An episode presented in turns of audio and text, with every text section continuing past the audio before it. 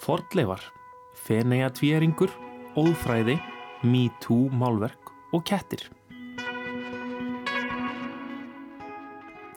Hér eftir stuttastund sláum við á þráðin söður til Fenea þar sem að Birta Guðjónsdóttir verður tekinn tali. En hún er síningastjóri á síningur Rafnhildar Arnardóttur, Chromo Sapiens, sem er framlega Íslands til myndlistar fjeringsins í Feneum sem að er að hefjast þessa dana. Við ætlum líka að segja frá fordleifa uppgrætti við Ósa Thames ár sem rannsakaður hefur verið í einn 16 ár en stendur nú loks til að miðla og sína grepina í fyrsta skipti. Og undir lókþáttar þá tökum við Hallgrím Helgarsson, riðtöfund og myndlistamann tali út af síningu hans sem að heitir Klof og Prís og er í listhúsinu Tveir Hrafnar við Baldurskutt. Júlia Margret Einarsdóttir allar líka að flytja okkur pistil um vorbúðin ljúfa, köttin og svo ætlum við að forvitnast um Bóðnarþing sem haldi verður á lögadag í Neskirkju sem óðfræði félagið Bóðun stendur fyrir. Og fulltrúar þess félags segja okkur líka frá tímarættinu sínu Són sem að nú er komið út. En við byrjum á því að slá á þráðinsuður til Fenea, þar er kona á línni og reyndar líka nokkrir mávar.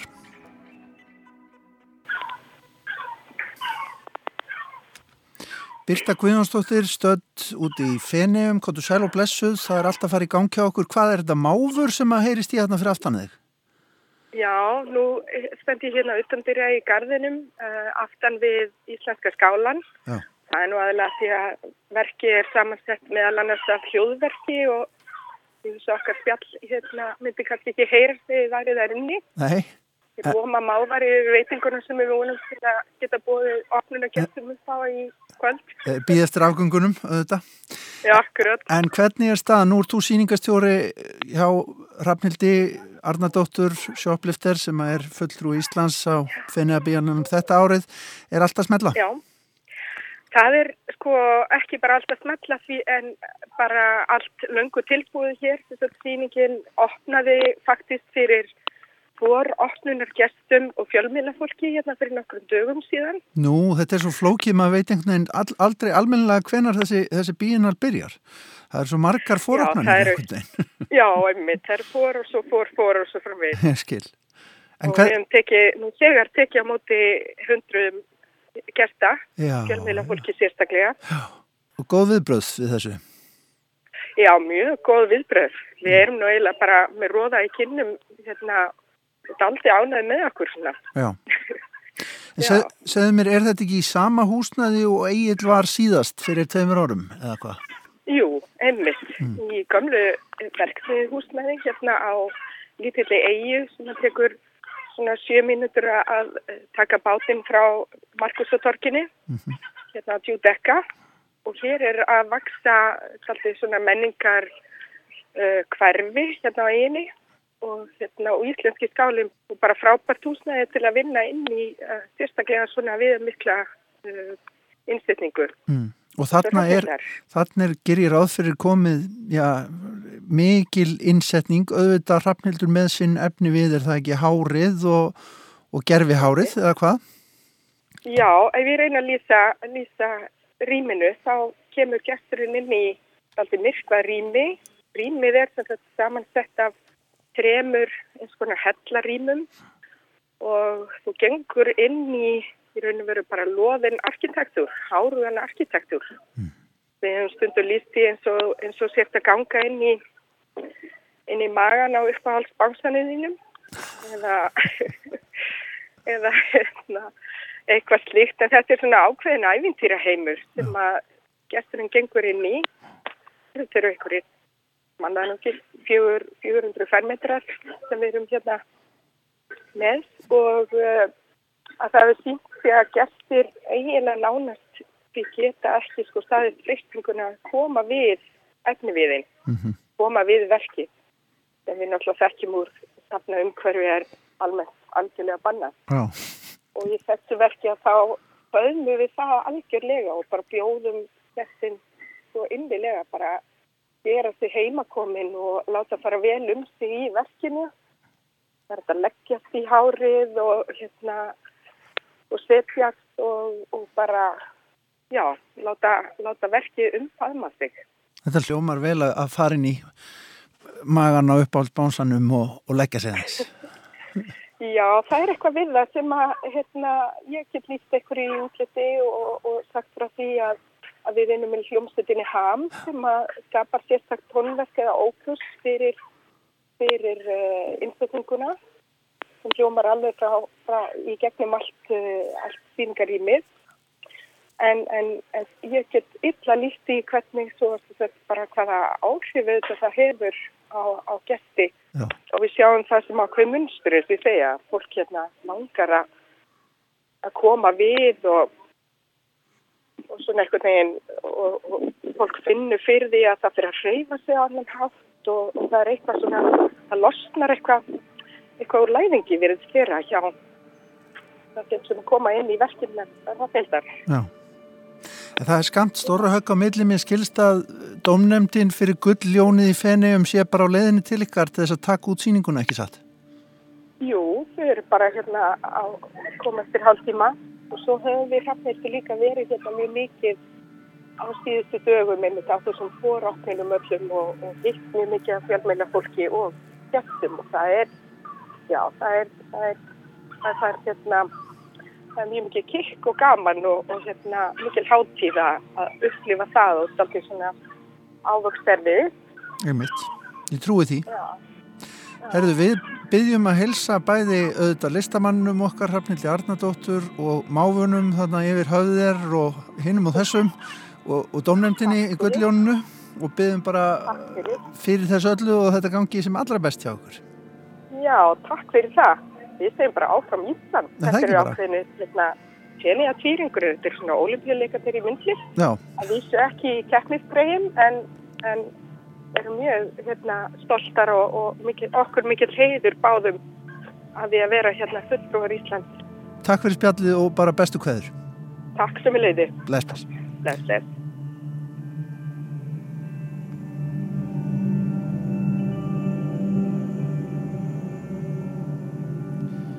Og þannig var rætt við Byrtu Guðjónsdóttur söður í Feneum, hún er síningastjóri á síningunni Chrome Sapiens, Rafnhildur Arnardóttir, fulltrúi okkar Íslandinga á Fenea tjöringnum. Og hér undir hljómar upptaka hljómsettin Ham, þetta er upptaka sem var gerð í rýminu bara fyrir í dag held ég. En Fenea tjöringurinn opnar fyrir almenning núna á lögardag.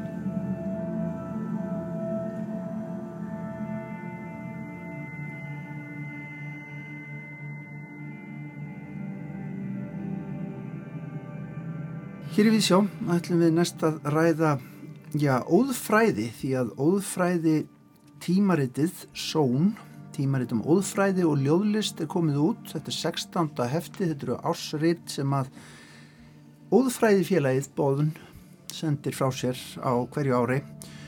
Og við ætlum að forvetnast um þetta félag. Hingaður komnir tveir félagar úr bóðun Ólína Kjærúl Þorvaradóttir sem er formaður félagsins og Haugur Þorgesson sem er einn úr rittnemnd þessa nýja tímarits. Velkomin bæði tvö. Takk fyrir.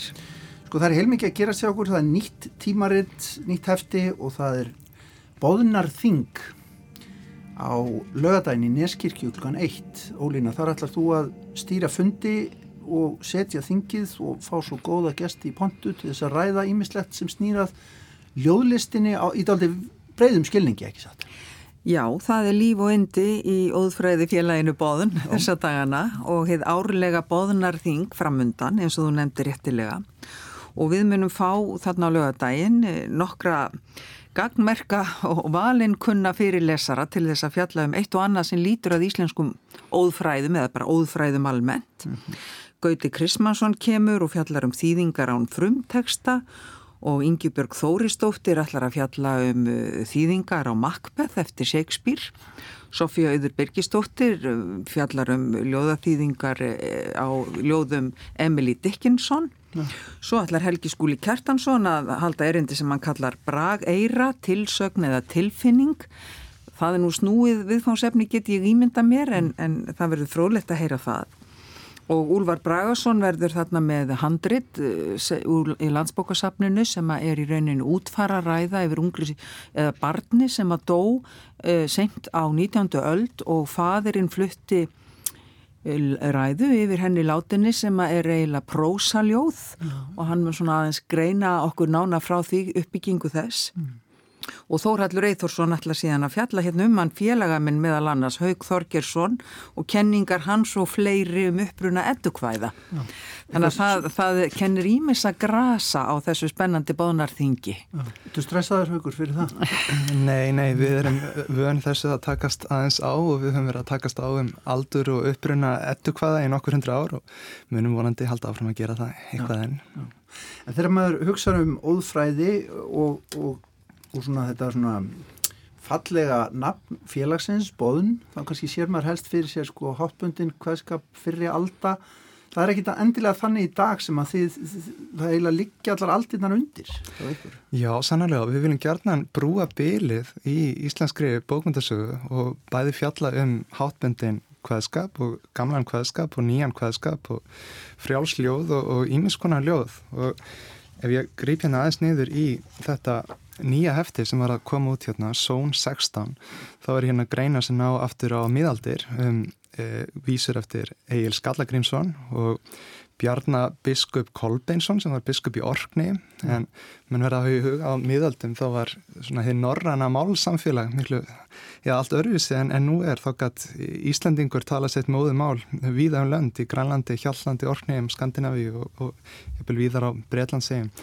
Koma því á aftur? Já, það er spurning.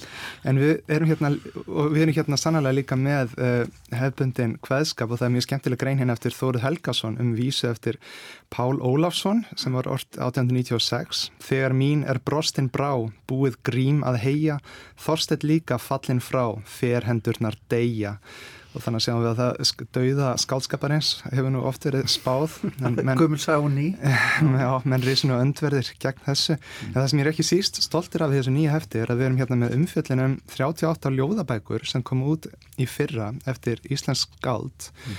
og erum hérna að reyna að auka vandað umfjöllinu um nýjar ljóðabækur. Og þetta er svona átak í þeim álum Það er hér stór bara þriðji hluti heftisins er bóka umfjöllun og þar eru þar bara að raða sér upp. Einmitt, 38, nú... þetta er ekkert smá líf eiginlega í, í ljóðunum á Íslandi í dag. Það er mikil gróska í íslenskri ljóðagerð og hefur núna verið á síðustu árum.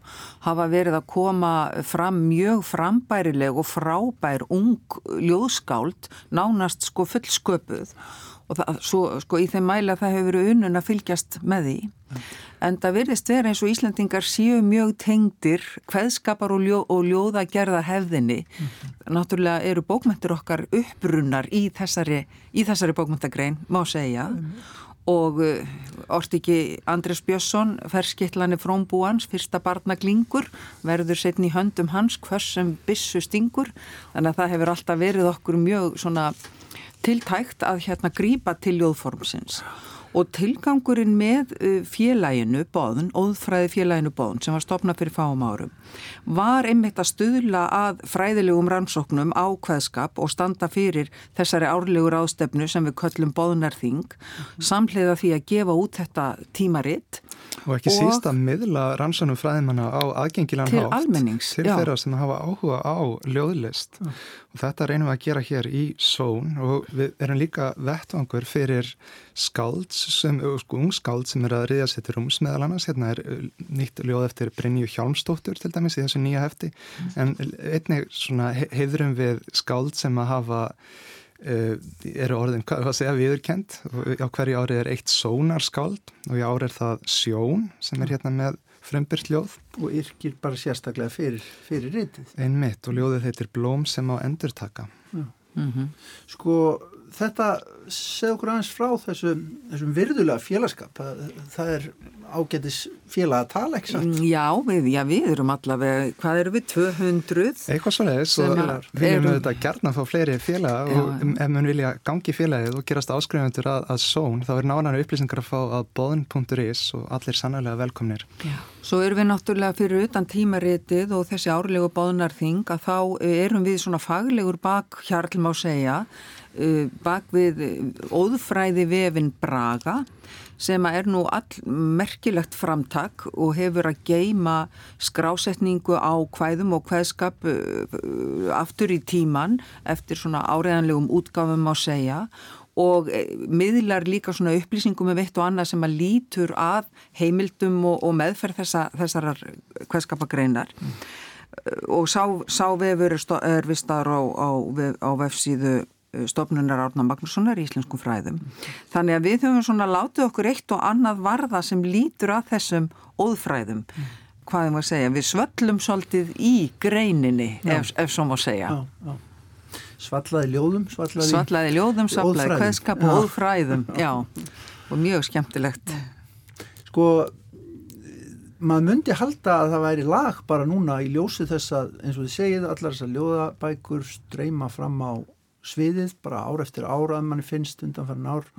Áhugin er mikill, það eru vel lesnar og, og seljast bara nokkuð vel. Ljóðir að þetta sinna sö- sögðu menn svona í hálgeri varnabaróttu fyrir nokkrum árum, mann finnst það bara pínlítið búið.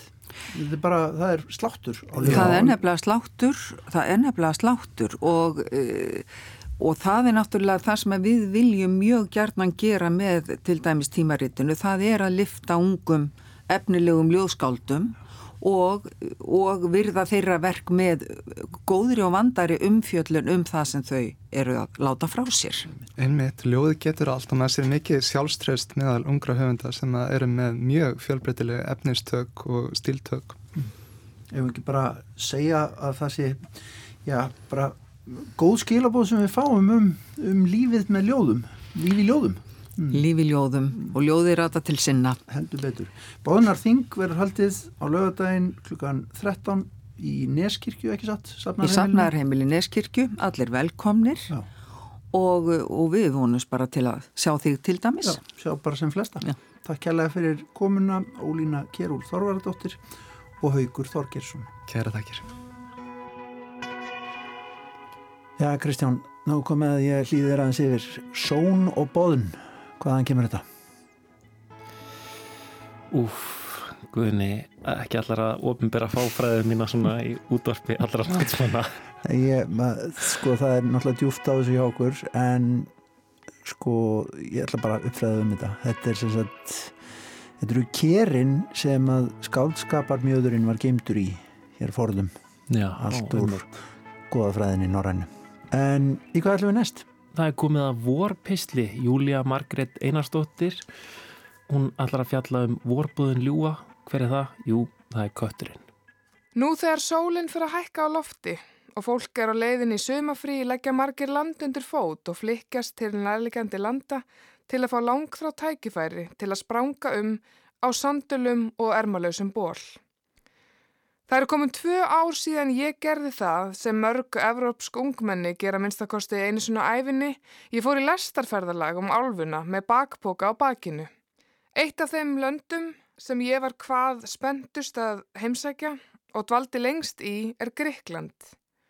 Tiltöla ný útskrifur heimsbyggi hjælt ég þangað til að rannsaka slóðir forn grísku heimsbyggingana, að sjá hæðina sem Sókrates gekk á og laugaði sig með Platoni, að ganga sömu götur og Parmenides, að bera lárviðar krans og klæðast tóka.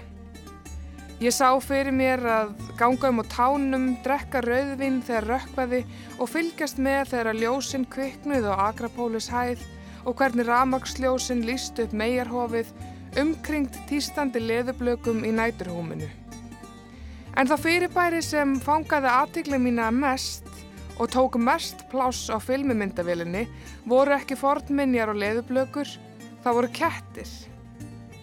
Kettirnir í aðhennu eru alveg sérstakki kettir og kattamenningin þar allt öðruvísi en ég hafði áður kynst. Mér fannst það stórkoslu upplifin. Aþenskir kettir láta eins og þeir eigi borgina og það er ekki annað að sjá að heyra á aðennubúum en að kísurnar hafi alveg rétt fyrir sér. Hvar sem ég mætti köttum var verið að gefa þeim að borða, villiköttum var bóðið húsaskjóla nóttunni og fólk átti vini í flækingsköttum sem sóttu í þau. Þar sem ég ráfaði að milli fornminni á ávakstasala raki reglulega augun í hvernig flækingsköttur byrtist og farandsalarnir sem seldu ávakstina á skartgripa á hæðinni fögnuðu þeim að því að hrópa til kattana Hvar hefur verið vinnur? Á meðan á aðþennu dvölminni stóð skrifaðist ég á við steinunni Siguradóttur Rítöfund og sagði henni frá upplifun minni að borginni. Í brefi mínu stóðu meðal annars. Það er glampandi sól eins og hefur verið síðustu daga og þó að klukkan að nálgast eitt og komið fram yfir hádegi er borgin eiginlega ekki vöknuð. Það er svo heitt úti að það svífur yfir mann einhvers konar drómi um leið og maður stígur fæti út fyrir dyrtnar. 40 stiga hitin flegir sig við líkamann með höggi og skinnjunin verður sljó. Það er fátt fólk á ferli og þau þeigja mestmægnis. Skref þeirra eru sílaleg. En kísurnar dorma í forsælum undir bílum og sólskílum, líta einstakasinnum upp og horfa fullar vandlætingar í kringum sig og leggja svo aftur. Eina þeirra hef ég hænt að mér. Ég held hún sér flökkukísi, en hún kemur reglulega við hérna á svaletnar og íbúðinni sem við leiðjum. Hún klórar í svalahörðina og þá færi henni kaffirjóma og hún leiði mér að klappa sér. En þegar líðatekur á kvöldi og kólnar í veðri þá vaknar borgin. Göturnar fyllast af angurværum tónum bannjóleikarans, fólk streymir út á göturnar, ljósin eru kveikt sem lýsa upp agrapólishæðina í myrkrinu svo hún kórónar borgina. Kísurnar skjótast á milli stræta og aðþennubúarnir gefa þeim mat og fagna þeim með orðunum Pusserei, fíle, eða Hvar hefur þið verið, vinnur? Hvað er eiginlega frétta hjá þér, Steinun? Eða Pusserei? Steinun svaraði mér fljótlega og sagði Elsku Júlia, ég fylgist með æfintýrum þínum á Facebook og hugsa eins og aðþennubúarnir þínir um kettina. Hvar hefur verið, vinnur? Pusserei, fíle. Í hvert skipti sem ég hitti uppáhaldið Þorstein Gilvason Þá spurði ég hann alltaf formála laust, hvar hefur verið allt mitt líf? Í síðasta sinn sem ég sá hann, í afmæli Vigdísar Finnbóðadóttur, þá svaraði hann, ég var nú bara að leggja mig. Það eru fleiri þjóðir sem hafa sett ketti á stalli gegnum tíðina. Forn Egiptar heðruðu kattageðjurnar og í allavega þrjár þúsaldir voru kettir dyrkaðir kattageðjum til heiðurs. Kettir voru ekki borðnir til gravar í blómabeðum í hlýðunum eins og þeir kettir sem ég hef kvart, heldur voru þeir gerðnan smurðir og reyfaðir. Í nóvember síðastliðin fundust til dæmis kattamúmýr nærri Kæró sem taldar eru meirinn fjögur þúsund ára gamlar. Í Istanbul hef ég líka heyrst að villikettinir eigi borgina líkt og aðþensku kettinir gera. En aftur að það voru bóðunum. Lægið Vikivaki eftir Valgeir Guðjónsson við ljóð Jóhannesur og Köllum er lægið sem fangar þessi árstíðar kaplaskil á sama hátt og jólahjól lemur hlustir í november með hótanir um að bráðlega fái vísakort okkar allra að finna rækilega fyrir því í sólarhengsmyrkrinu. Áður en maður veit af kemur svo loksins vorið. Sumarilinn vindar leið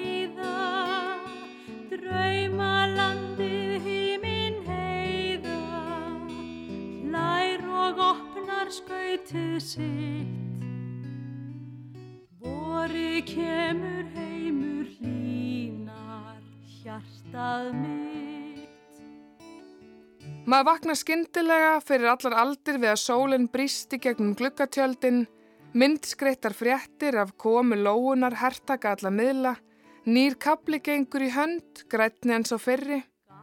Fólk hópast á Östruvöll með volgan dósabjór og afneitun gagvart anriki morgundagsins. Og fyrir mér sem er alin upp í hlýðunum og búsett í þingkoltunum er vorbóðin ekki lóan, heldur kísurnar sem allt í einu eru allstaðar. Kísurnar herrtaka borgina líkt á sískinni þeirra í söðri. Þær sóla sig í görðum, slást á bílastæðum, skjótast á millir unna og stara einbeittum glirnum og skóarþrestina. Í morgun og leiðminni til vinnu taldi ég sjö kísur og þá fann ég sömari koma. Ég rak augun í eldri mann sem gerði hlið á göngu sinni til að bóra yfir ketti sem átti leið hjá. Hann kallaði til hans og klappaði honum. Í smá stund fyldist ég með þeim sína hver öðrum vinar þel áður en ég held göngu minni áfram. Þetta vinar þel sem myndi mig á vináttu farandsala aðfennuborgar og villikættana sem borgina eiga. Líkt og vorkoman var yrkisefni Jóhannesur Köllum í ljóðinni Vikivaka hafa kísur verið yrkisefni margra höfunda í sínum skáldskap en það eru kísur mjög ljóðrænar. Einn þeirra sem gerði ketti eða sínu yrkisefni var prófessor Jón Helgason sem orti meðal annars kvæðið á afmælistegi Katarins. Mér langar því að kvæði ykkur með hans eigin fluttningi á ljóðunum afmælisköttin en byrji ykkur að ef þið mætið gráum og hvítum vorbóða, ketti á göngu um hlýðarnar, að gera eins og gamli maðurinn sem ég hitt í morgun og gefa henni klapp á kollin. Þetta er nefnilega dúlsinniða, kötturinn minn. Og ef þið myndi spyrja hana Púserei eða hvar hefur þið verið? Er allt eins líklegt að hún myndi svara eins og Þorstedt Gilvason svaraði steininu Sigurðardóttir. Ég var nú bara að leggja mig. Á emmæli kattarins. Við sjárverð þykir mér glitnan gul, geymir á bakvið sig marga dúl, Óarga dýrana eðli grimt á sér í heilanum fylsni dimt. Alla tíð var þó með okkur vel, einlægt mér reyndist þitt hugar þel, síðan ég forðum þig blindan bar, breytt á þig sæng þegar kaldast var. Fimm voru sískinin fætt í heim, fagnar þú degi, þið ein af þeim, hinnum var öllum í æsku drekt, ósköp er kattlífið dapurlegt. Lífað nú hefur þú árið eitt, ott hvers er víkt hönnin, klóin beitt, stundum á kvöldin með kurteis ljóð, hveður það munni fram ástaljóð.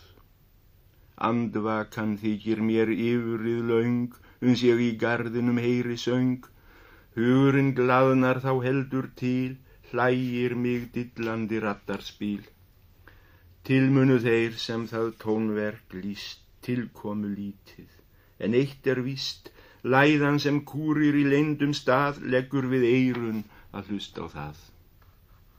Mjúkur með kyrfileg kampahár kemur það dýrum í morguns ár, upp þig úr munnvatni allan þværð, augunum lignir í sæld og værð.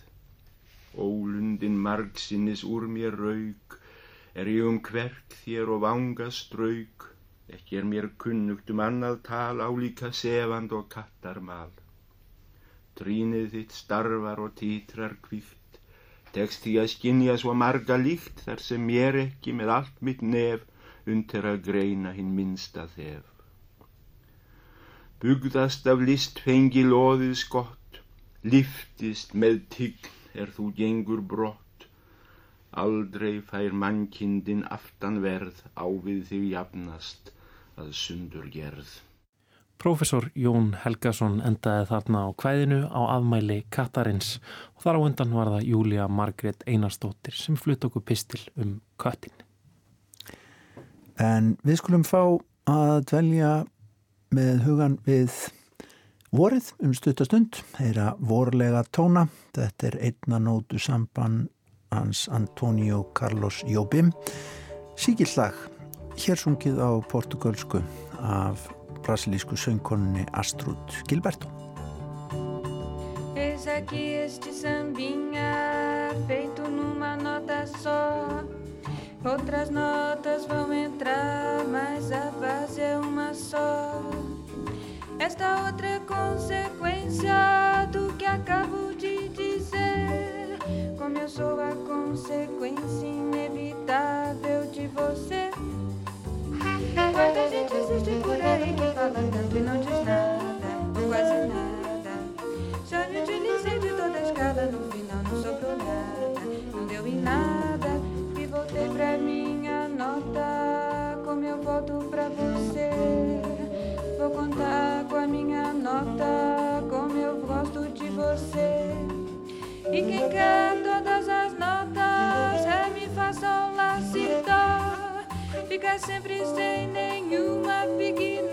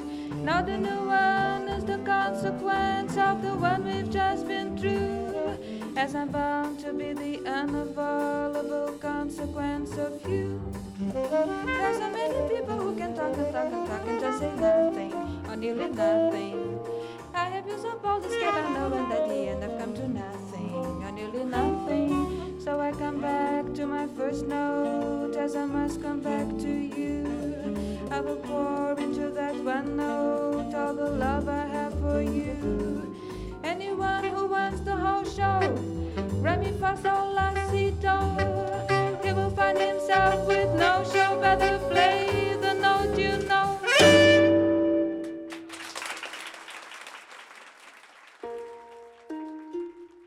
Southend-on-Sea, söðurbær við sjóin, er nokkuð ómarkverður lítill bær út við norðursjáaströnd Englands við árósa Thamesár.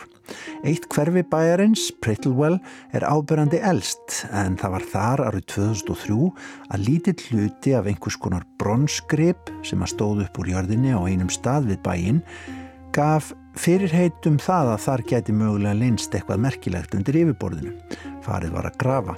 Fljótlega mistu forleifafræðingar algjörlega andlitið þegar í ljós komu týjir gripa í frábæri ásökumulagi og fljótlega var farið að tala um konungsgröf í þessu sambandi því þarna var á ferðinni engilsaksnesk gröf ólík öllu öðru því sem mann höfðu séð áður á Englandi.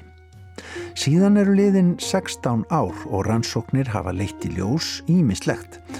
Nú er komið að miðlun og umfjöllunum þennan merka uppgröft því að allakvöldu síðan hafa fleir en 40 vísindamenn og fræðingar komið að verkefninu og skýr myndir að fást á það hvað þarna var á ferðinni. Í umfjöllun í The Guardian um málið í dag er vitnað til yfirmanns rannsókna við Fortminjasafn Lunduna sem heldur því fram að þarna sé hægt að tala um engilsaksneska Tutangamon gröf takk fyrir.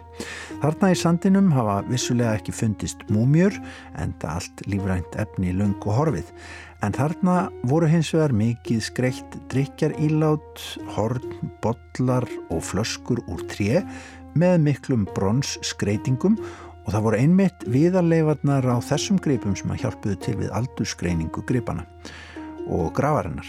Þetta bendir til þess að gröfin sé frá því senkt á sjöttu öld, jafnvel frá því um 580. Gripir í gröfinni breyta líka sínmanna á kristnitöku sögu Englands. Gull skreittir krossar benda til þess að kristnin hafi verið komin til landsins jáfnvel áður en Ágústínus af Kantraborg hófst formlega handa við að kristna eigaskeggja. En vísindamenni nú telja að þeir séu búinir að koma sér upp ágætri heldarmynd af þessari ríkulugu gröf sem var upphaflega viðarstrúktur, herbergi einhvers konar sem talið er að hafi þurft 13 miklar eigur til að byggja og að 20 til 25 menn hafi tekið það verkað sér á um það byrj viku. Þarna er verið að senda mikilvæg skilabóð, segir einn fræðingarna við bladamann The Guardian.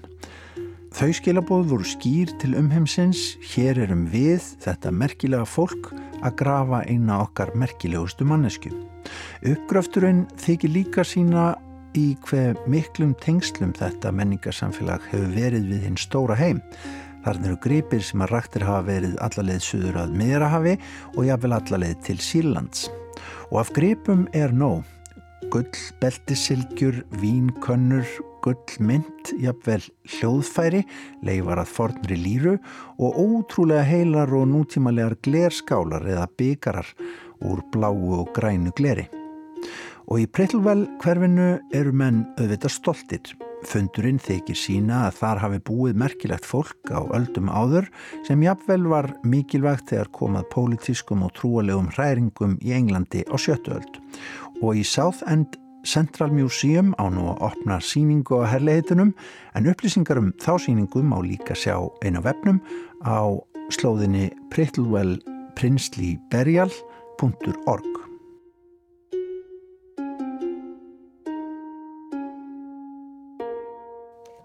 En frá árósum Teims ár í Breitlandi hingað heim til Íslands. Það eru symfónitónleikar á dagskrá í kvöld í beitni útsendingu hér á Rás 1. Útsendingin hefst klukka 19 með uppbytun fyrir tónleikana sem hefjast svo hálf tíma síðar. Á efniskrá kvöldsins í kvöld eru þrjúverk, forleikurinn af óperunni á valdi Örlana eftir Giuseppe Verdi, pianokoncert Edvard Skrík og loks Rómeo og Júlia, ballettsvítur Sergejs Prokofjev. Einleikari á tónleikunum er Nikolaj Luganski, rúsneski píjónleikarin, en tónleikarnir fara fram undir stjórn norska hljómsdastjórnans Eyvind Ótland. Við skulum heyra það þegar að Luganski kom hingað fyrst til tónleikahalds og flutti píjónukonsert Prokofjevs á tónleikum árið 2013 undir stjórn Jan Paskars Tortelier Þar tók hann uppklapslag í lokin sem heitir Sleðaferðin eftir Tchaikovski. Við fáum að njóta þessar upptöku núna.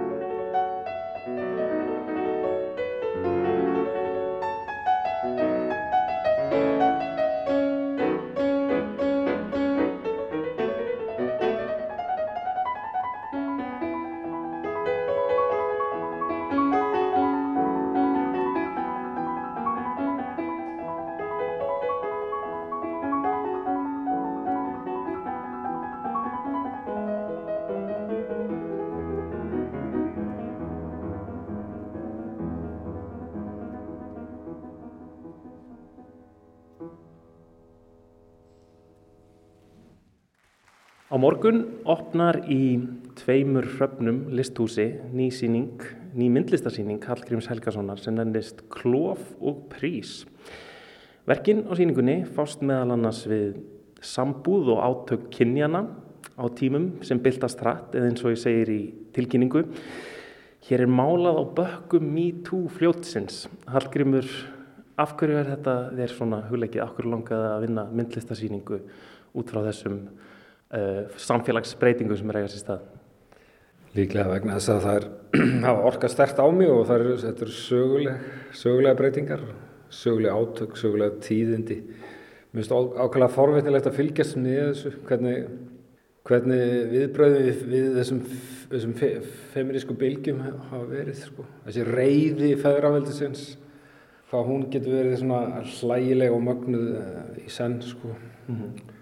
Og svo er þetta náttúrulega, má segja, ég hafi svolítið lengt í þessu sjálfur, sko, kom hann át með kynferðsófbeldi fyrir nokkrum árum í bók sem skrifaði og það var svolítið svona þungur pakki svona viðtökurnar við því, sko.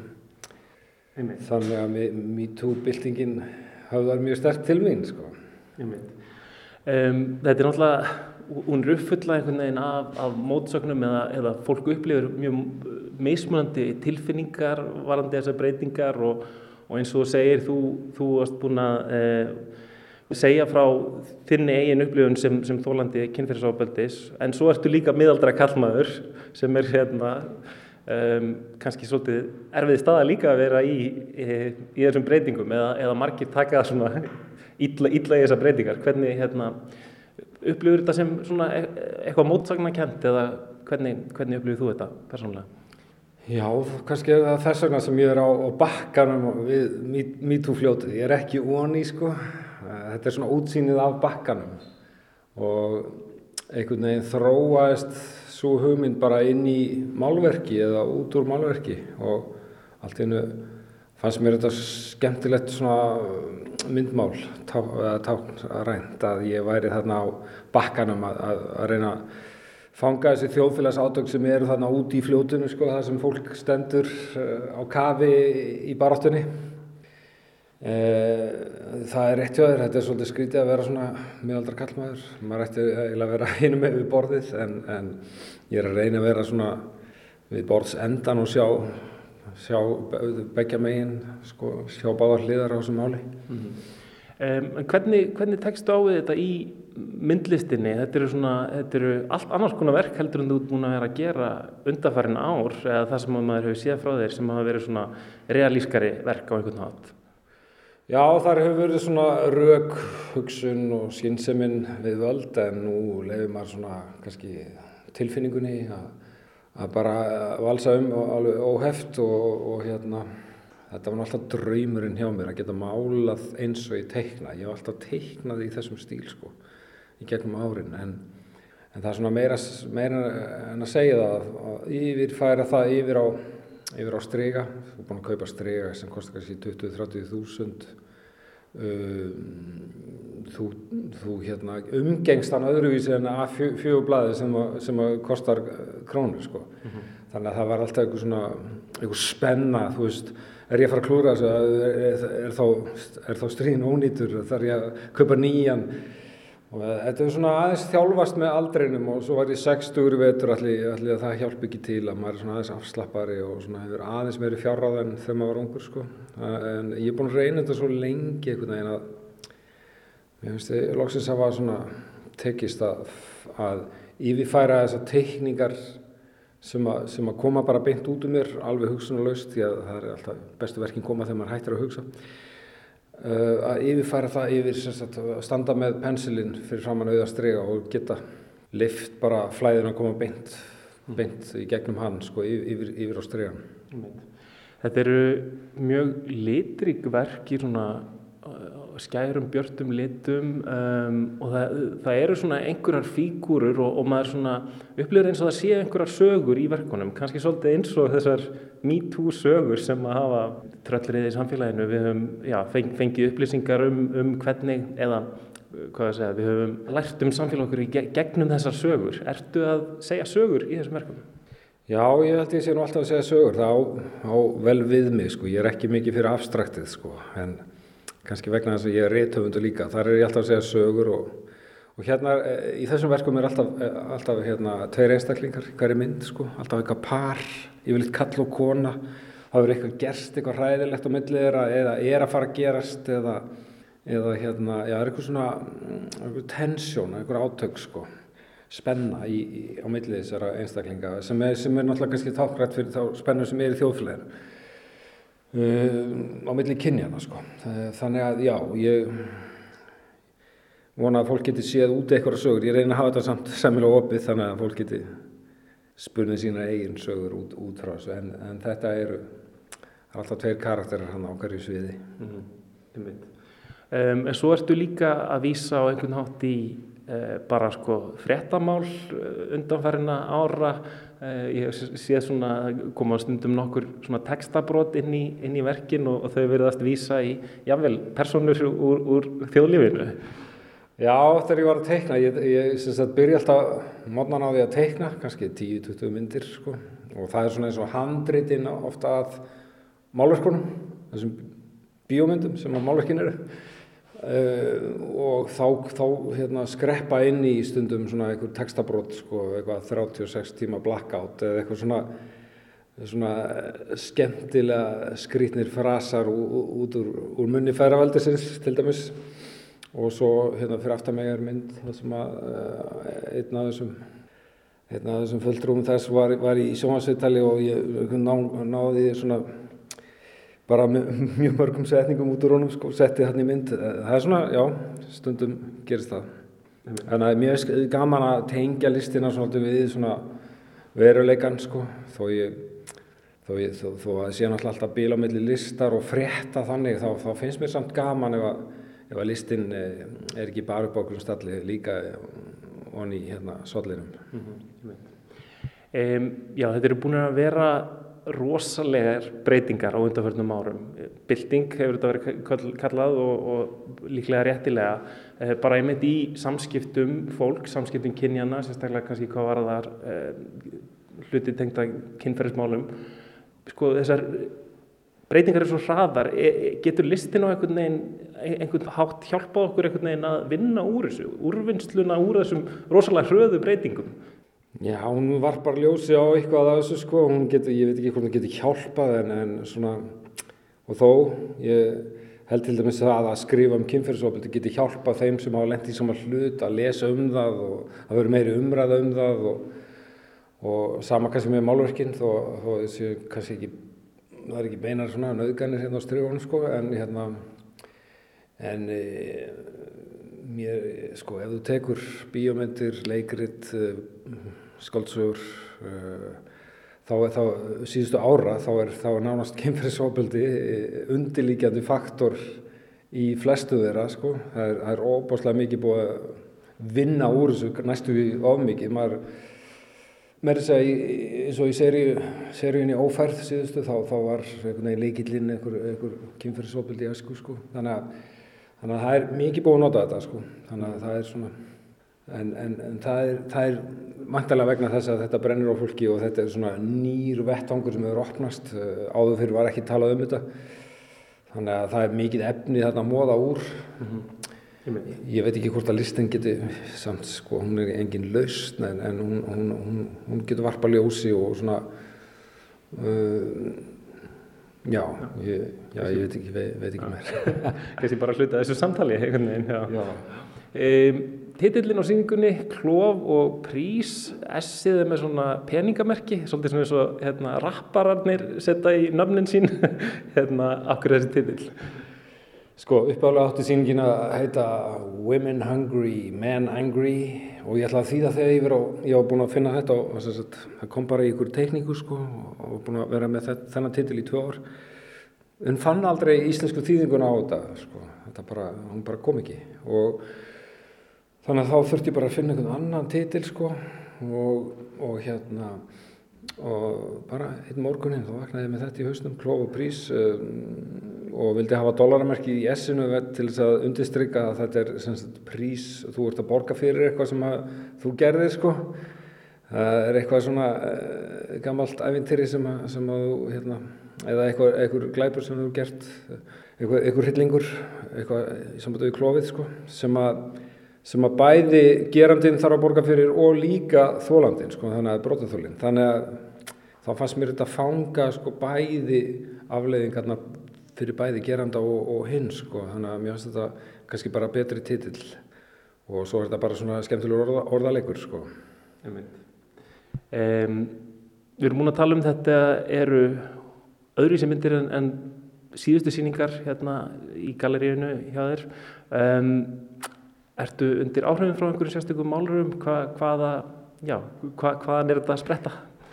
Já, ég, ég geti trúið að menn sæði svona, eða fróðir menn sæði og konur sæði hérna áhrif frá Philip Guston sem er bandarískum málari sem lést í kringum 1980.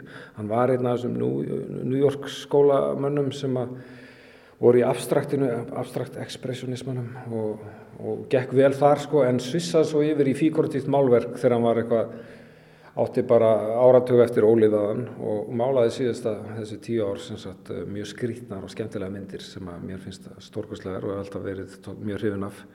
Hefur svolítið leitað aftur í hans brunn og, og hérna og svo þegar ég var halnaði með þessa síningu þá fór ég á fór átti í leiðum London og sá síningu Tracy Emin sem var stóra síningu sem var þar núna útmánaðum A Fortnight of Tears heitir hún eða, eða tvær vikur fullar af tárum. Og hérna það var svolítið svona inspirasjón að sjá þá síningu þegar hann var svona söpun slóðum sko og að fjalla um svona sína eigin reynslu og það voru hérna málverk sem héttu beinlýnist bara nöðgun og, og svona tólti svakalega myndir. Þannig að og, það, hún er náttúrulega með frábært touch sem myndlistakona þannig að það var svolítið svona inspirasjón líka sko. En síðan er þetta bara svona leita maður aftur í, í, í, í sálakernuna sko í sína þetta, þetta maður veitir hún ekki hvað maður er að gera. Það kemur eitthvað upp á krafsinu sko maður fylgir bara einhverju tilfinningu og undir meðöftundin sér um restina. Og ég er nú búin að teikna svo lengi í þessum stíl sko þannig að það er það var svona, þetta er svolítið svona blanda af áhrifum frá öðrum og svo bara leita inn í sjálfan sig og finna henn sjálfa sanna kjarnar í sjálfan sér sko. Sæði Hallgrímur Helgason fyrir í dag í tveimur hröfnum þar opnar á morgun Klof og prís nýsýning Hallgríms Helgasonar. En þannig ætlum við að ljúka þættinum í dag. Verðið sæl. Verðið sæl.